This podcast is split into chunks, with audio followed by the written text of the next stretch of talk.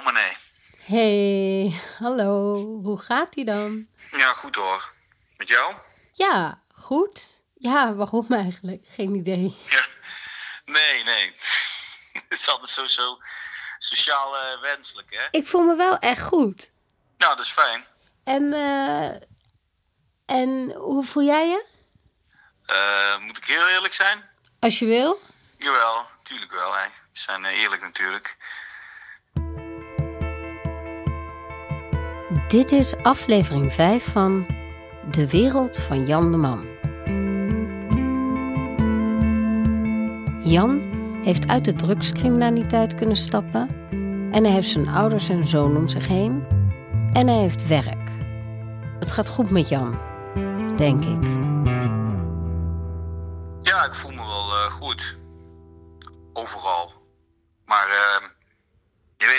Aantal uren in loondienst eh, ben hè, bij een organisatie. Ja. Daar zochten ze een inhoudsdeskundige. En ik had erop gesolliciteerd. En eh, ja, daar ben ik dan niet geworden. Ja, daar baal ik dan, eh, daar baal ik dan van. Natuurlijk baalt hij. Maar met zijn verleden is natuurlijk de vraag: op welke gronden is hij afgewezen? Neem jij het heel persoonlijk of niet? Nou, heel persoonlijk niet. Want daar moet ik voor uitkijken. Want eh, dan kan ik de telefoon zeg maar opnemen. En, eh, en dan gaat niet goed met mij. Want dan laat ik het bij mij komen. Maar wat gebeurt er dan als je het wel persoonlijk neemt? Dan ga ik me aan mezelf storen. Want als ik daar dan geen zicht op hou, dan denk ik dadelijk nog van eh, oké, ze doen dit persoonlijk. Dus degene die ik gezien heb, die moet mij niet. En dan denk ik, maar oké, wat wil je doen dan? Dan zou ik zomaar eh, eens eventjes verhaal kunnen gaan halen. Dus dan komt alles weer eh, dichtbij. Dus, en daar begint het dan mee. Praat je hier met mensen over? Ja, met eh Romane aan de telefoon. Ja, met mij. Ja. Ja. Ja, maar dan ben ik toch een, eh een einzelganger. We lossen het zelf wel op. Maar hoezo wil hij verhaal halen? Aan een afwijzing kun je niks doen, toch? Gelukkig heeft Jan wel inkomsten, want hij werkt ook een aantal uren als manager voor een dag- en nachtopvang voor daklozen. Maar eigenlijk moet hij daar weg. Eh, ik vind het hectisch. Ja, Er is een hoop aan de hand daar. En er gebeurt een hoop. En er moet een hoop veranderen. En er gaat ook een hoop veranderen. Dus hectisch. Hectisch, ja. werken voor dak- en thuislozen is hectisch, omdat Jan daar dingen ziet die stress opleveren. En als ex-psychiatrische patiënt kan die slecht tegen stress. In het ergste geval kunnen zijn psychotische klachten terugkomen. Ja, daar, daar komen de mensen van straat. Die komen daar dan. Jezus. Daar zit geen filter op. Dat zijn gewoon de mensen. De, de mensen, de hardcore mensen die op straat leven. Dus er zit ook een gebruikersruimte. Hm. Dus mensen, verslaafden, die kunnen daar hun heroïne shotten. Dus ook al heb je mensen die willen veranderen en, en je zet daarop in, zolang men voorzien wordt in hun verslaving, zal dat altijd de boventoon houden. Dat is mijn idee erover. Hè? Dus als je het faciliteert, dan kun je eraan trekken wat je wil. Je bouwt dat aan de andere kant, bouw je dat niet af met goede gerichte eh, eh, hulpverlening dan ja, dan ben je mensen eigenlijk gewoon aan het opgeven. Vind ik, hè? Mensen die willen veranderen, maar de kans niet krijgen. Dat kan iemand als Jan maar zo op zichzelf betrekken. Maar het, het is niet zo dat wij, dat jij en ik, als wij fouten maken, dat wij ook niet op straat komen. Dat is mensonterend, hè, om uit huis te worden gezet, omdat je een hoop ellende hebt. En je kan je rekening niet betalen. En dan kom je in zo'n voorziening, en dan word je nog harder weggezet. Van ja, ik ben een gevaar, of ik ben. Ja, dat doet iets ook met de mens, hè? En wat, wat zie je dan aan die mensen? Hoe gedragen ze zich? die zijn altijd argwanend. Die zijn altijd gestrest, altijd. eh, eh, die vertrouwen niemand. Houden altijd eh, spullen bij elkaar. Zijn heel erg op zichzelf. Zij, zij zitten nooit rustig, zijn altijd gespannen. Altijd gespannen. Geregeld worden er wapens onder matrassen gevonden, vleesmessen, steekwapens en zo. Omdat ze Ze slapen met elkaar op een zaal natuurlijk. Maar ja, ik denk dat ze allemaal met één oog uh, open slapen. Moet je je voorstellen. Dat dan dag in, dag uit, jaar in, jaar uit, dat je zo moet leven. Ik probeer me voor te stellen dat iemand als Jan, met zijn verleden en zijn bagage, dag in, dag uit op zo'n plek moet werken. Dat kan toch niet goed zijn? Er zit net iemand van, van hoe oud zou die zijn? 3, 24 jaar. Die heeft nog nooit een DNO van binnen gezien. Die is nog nooit dak- of thuisloos geweest. Die staat daar voor de eerste keer en die komt binnen in zo'n dynamiek. Dat moeten we ook niet willen. Er zijn jongens die cold turkey afgekikt in de gevangenis van de heroïne. Die hebben nergens anders om naartoe te gaan. Die, komen weer in een DNO met de gebruikersruimte. Die zit binnen de kortste keren zit die in die gebruikersruimte en is hij weer verslaafd. Dus alles wat overal uitgekotst is, dat komt bij zo'n DNO terecht. Ja. Jan moet daar weg. Dat begint hij zelf ook in te zien. Ja, het doet uh, veel met me. Daar heb ik wel in de gaten. Ja. Daarnaast degraderen we mensen tot, tot op objecten, lijkt het wel. Of van een lagere diersoort of zo. Want ja, het is, het is net een bias uh, die je binnenkomt, zeg maar. Nou, soms praten we ze best uh, denigrerend naar iemand. Soms moet je op een bepaalde manier praten tegen mensen van de straat. Je zit in een overlevingsmodus en dan horen ze niet als je ja of amen zegt. Dan horen ze gewoon van, uh, van hé, hey, hou eens je bek. Maar daar zit een balans in. Ja, daar word ik niet vrolijk van. Kijk, ergens wil iedereen gewoon leven. Ja. Maar alleen ja, bij sommigen is dat wat verder te zoeken dan, dan een ander. Jan wordt overladen met indrukken op zijn werk. En er zijn ook momenten dat hij wordt geconfronteerd met emoties die hij zelf in het verleden had. Ik sta altijd aan als ik daar ben. Dat is niet goed voor mij. Als er iets is, dan voel ik me eigen verantwoordelijk om dan dat op te lossen. Als hij maar niet iets gaat doen waar hij later spijt van krijgt. Misschien moet ik dadelijk wel de ring in. Dan moet ik gewoon uitblijven, eigenlijk. Maar ja, want ik ben niet zo vergevensgezind of zo, uh, lijkt het. Ik wil geen ruzie meer hebben met iemand. Want dan, dan weet ik, daar kan ik moeilijk mijn eigen overheen zetten of zo. Of iets. Ik wil, ik wil dat niet meer. Maar het is wel dat als zo'n situatie zich voordoet, dan, ja, dan weet ik niet hoe ik daarop ga reageren. En, en dat brengt al stress. Hij moet zichzelf dus in bedwang zien te houden. Bijvoorbeeld net als met mijn auto. Die zet ik daar natuurlijk neer. Ja. Zeg maar, uh, de ingang van de DNO, dat is een hek met uh, spijlen. Dus je ziet mijn auto, die zie je gewoon staan. Dus als ze daar dingen overheen gooien, dan komt het op mijn auto uh, terecht. Mhm. ik, ik moet er niet aan denken dat, dat daar dingen, dat mijn auto gesloopt wordt, omdat de een of andere maloot daar doordraait. Dan, dan, dan word ik ook, uh, dan draai ik ook door. En daar heb ik helemaal geen zin in. En dat is niet alles. Want, tja, je komt uit een sprookjeswereld van de in- en export, terug in de werkelijkheid. En aan de echte wereld blijken dan nogal wat haken en ogen te zitten, zoals de Belastingdienst. Nou, sinds ik uh, aan het werk ben, hè, voor het echt, voor de Ja. belasting en, uh, en, en, en zo, heb ik een belastingaanslag gekregen. Ja, dan heb ik het over uh, drie jaar terug, of, of, of vier jaar al. Of ik even wat geld wil terugbetalen aan de belasting. Of ik even, ja, hoeveel zal het geweest zijn? Uh, om de nabij uh, 8000, 10.000 euro. Of ik dat even binnen twee maanden terug wil betalen. En niemand die hem had gewaarschuwd, omdat het voor anderen vanzelfsprekend is, maar dus niet voor Jan. En, en, en dan bel je. Ja, dan kan ik toch helemaal niet terugbetalen. Wat denk je? Dat mensen 10.000 euro hebben liggen? Hardwerkende mensen in deze maatschappij? Nou, hè? En dan zeggen ze doodleuk, uh, ja, maar u heeft toch ook, uh, heeft het toch ook allemaal ontvangen, hè? Ja, what the fuck, wat denk je? Dat ik, het, uh, dat ik het opzij zet of zo? Als ik zoiets aanvraag, dan heb ik er behoefte aan. Dan heb ik het nodig. dus nee joh, het is allemaal krom. Maar goed. Toen Jan net aan het resocialiseren was, had hij een uitkering aangevraagd, omdat hij anders niet rond zou komen. En op het moment dat hij werk kreeg, heeft hij dit keurig opgegeven.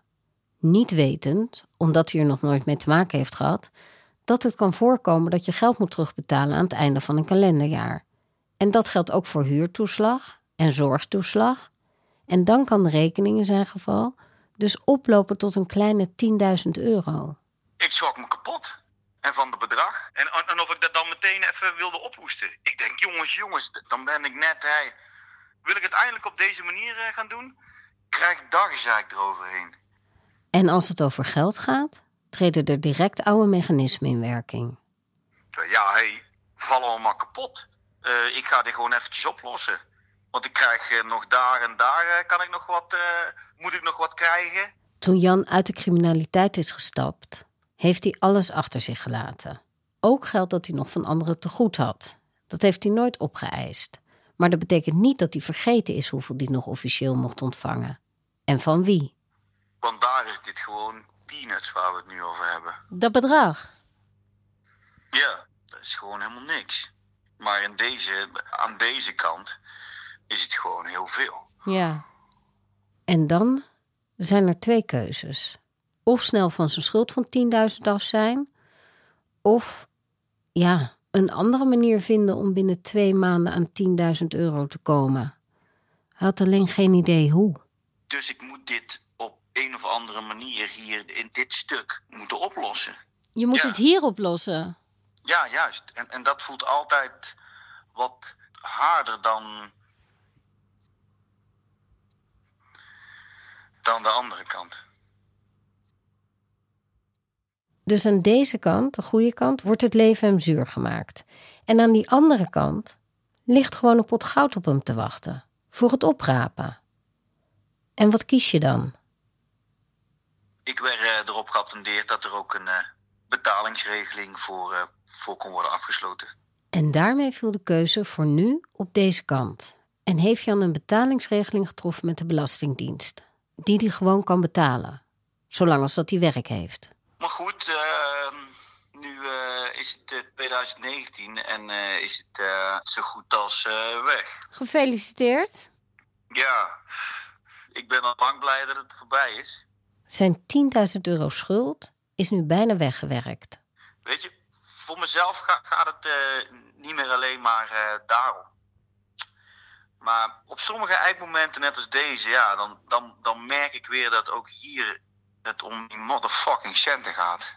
Jan heeft net het leeuwendeel van die 10.000 euro terugbetaald als er weer een brief op de mat ligt. Toen kwam er een brief van het UWV, waar ik ook al drie jaar vanaf ben.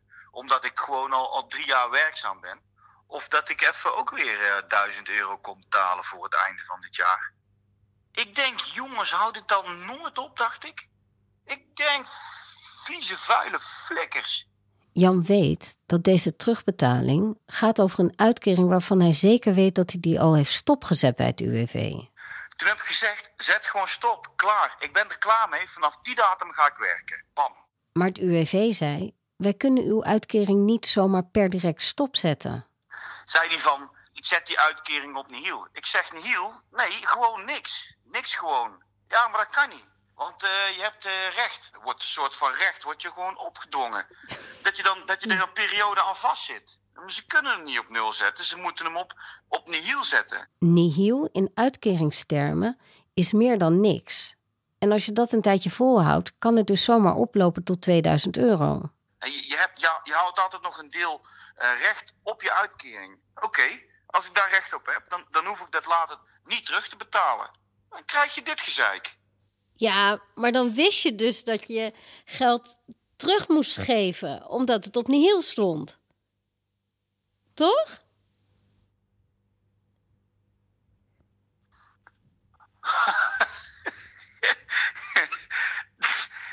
nee, ik stond daar helemaal niet, uh, niet eens bij stil. Ja, maar dat is dus wat er gebeurd is waarschijnlijk. Ik was blij dat ik overal vanaf was. Komt er weer zo'n motherfucking brief. Weer om die motherfucking geld. Omdat Jan nog niet weet hoe de regelingen bij instanties werken, denk ik dat hij nog wel een paar keer verrast gaat worden door de inhoud van de brieven die op de deurmat vallen. Dat gevoel is gewoon kloten. Ja. Ben ik net uh, vanaf al dat gezeik. Denk ik, nou, kan ik eindelijk, uh, eindelijk hoe, hoe, noem je dat, uh, voorbeeld, bur, voorbeeldig burger zijn. Dan krijg je dat weer. Ja, dat is heftig, man. Dat doe ook wel iets met mij, ja. Ik vind dat soort brieven ook kloten. Maar het verschil is dat ik ze niet persoonlijk opvat, zoals Jan. Brieven van instanties zullen een jaarlijks ritueel worden. Elk jaar zal hij weer ergens het geld vandaan moeten halen. Voor nu heeft Jan zijn eerste confrontatie met de politie, de Belastingdienst en het UWV doorstaan. Hij is afgewezen voor een baan en hij moet stoppen met werken bij de daklozenopvang. Vanwege de stress die het geeft. Hij wil voorbeeldig burger zijn, maar steeds is er iets dat hem het idee geeft dat hij niet aan dat beeld kan voldoen. Niemand is perfect. Maar hoeveel imperfectie mag je eigenlijk hebben om mee te kunnen blijven doen? De deur naar het huisje, boompje, beestje leven gaat niet voor iedereen open. De deur naar het criminele leven blijft altijd openstaan. Ja. Die persoon die slaapt nog met mij. Die zit, uh, die zit er wel in, in heel mijn uh, gedaan. En toen was het enige waar ik aan dacht: shit. Fuck man, waarom, waarom, waarom heb ik eigenlijk een zoon? Hé hey, Romane. Hey, hoe wist je dat ik het was? ja, joh. Hey, niemand anders die uh, belt mij, dus ja. Ik begon hieraan, niet wetend of ik begrip kon opbrengen voor iemand die het normaal vindt om geweld te gebruiken. En ook alles doet voor geld en status. Nu vraag ik me af of ik echt de enige ben die met hem praat. Het je zeg maar gebracht dat je wilde? Of had je liever een, uh, een andere persoon met de, de wereld uh, achter hem of haar uh, willen interviewen? Of, of spreken? Nee, ik ben heel blij dat ik jou gesproken heb.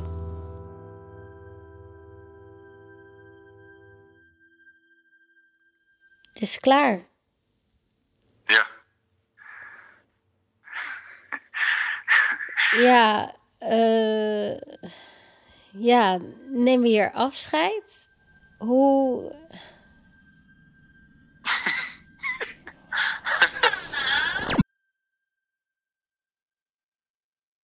Dit was De Wereld van Jan de Man. Je hebt nu alle afleveringen beluisterd. En laat ons weten wat je ervan vond in een review. Want hoe meer reviews, hoe beter wij gevonden kunnen worden door nieuwe luisteraars. De Wereld van Janneman is een productie van theatergezelschap Het Zuidelijk Toneel. Gemaakt door mij, Romane Rodriguez, met het vetorecht van Jan de Man. Redactie wordt gevormd door Stef Visjager, Marieke Prinsen-Geerlichts en Piep Menu. En met heel veel dank aan Guido Pollemans. Hij was de acteur die alle teksten van Jan de Man heeft ingesproken. Muziek is van Peter van de Witte, mixage Mark Meeuwis. Dat was het.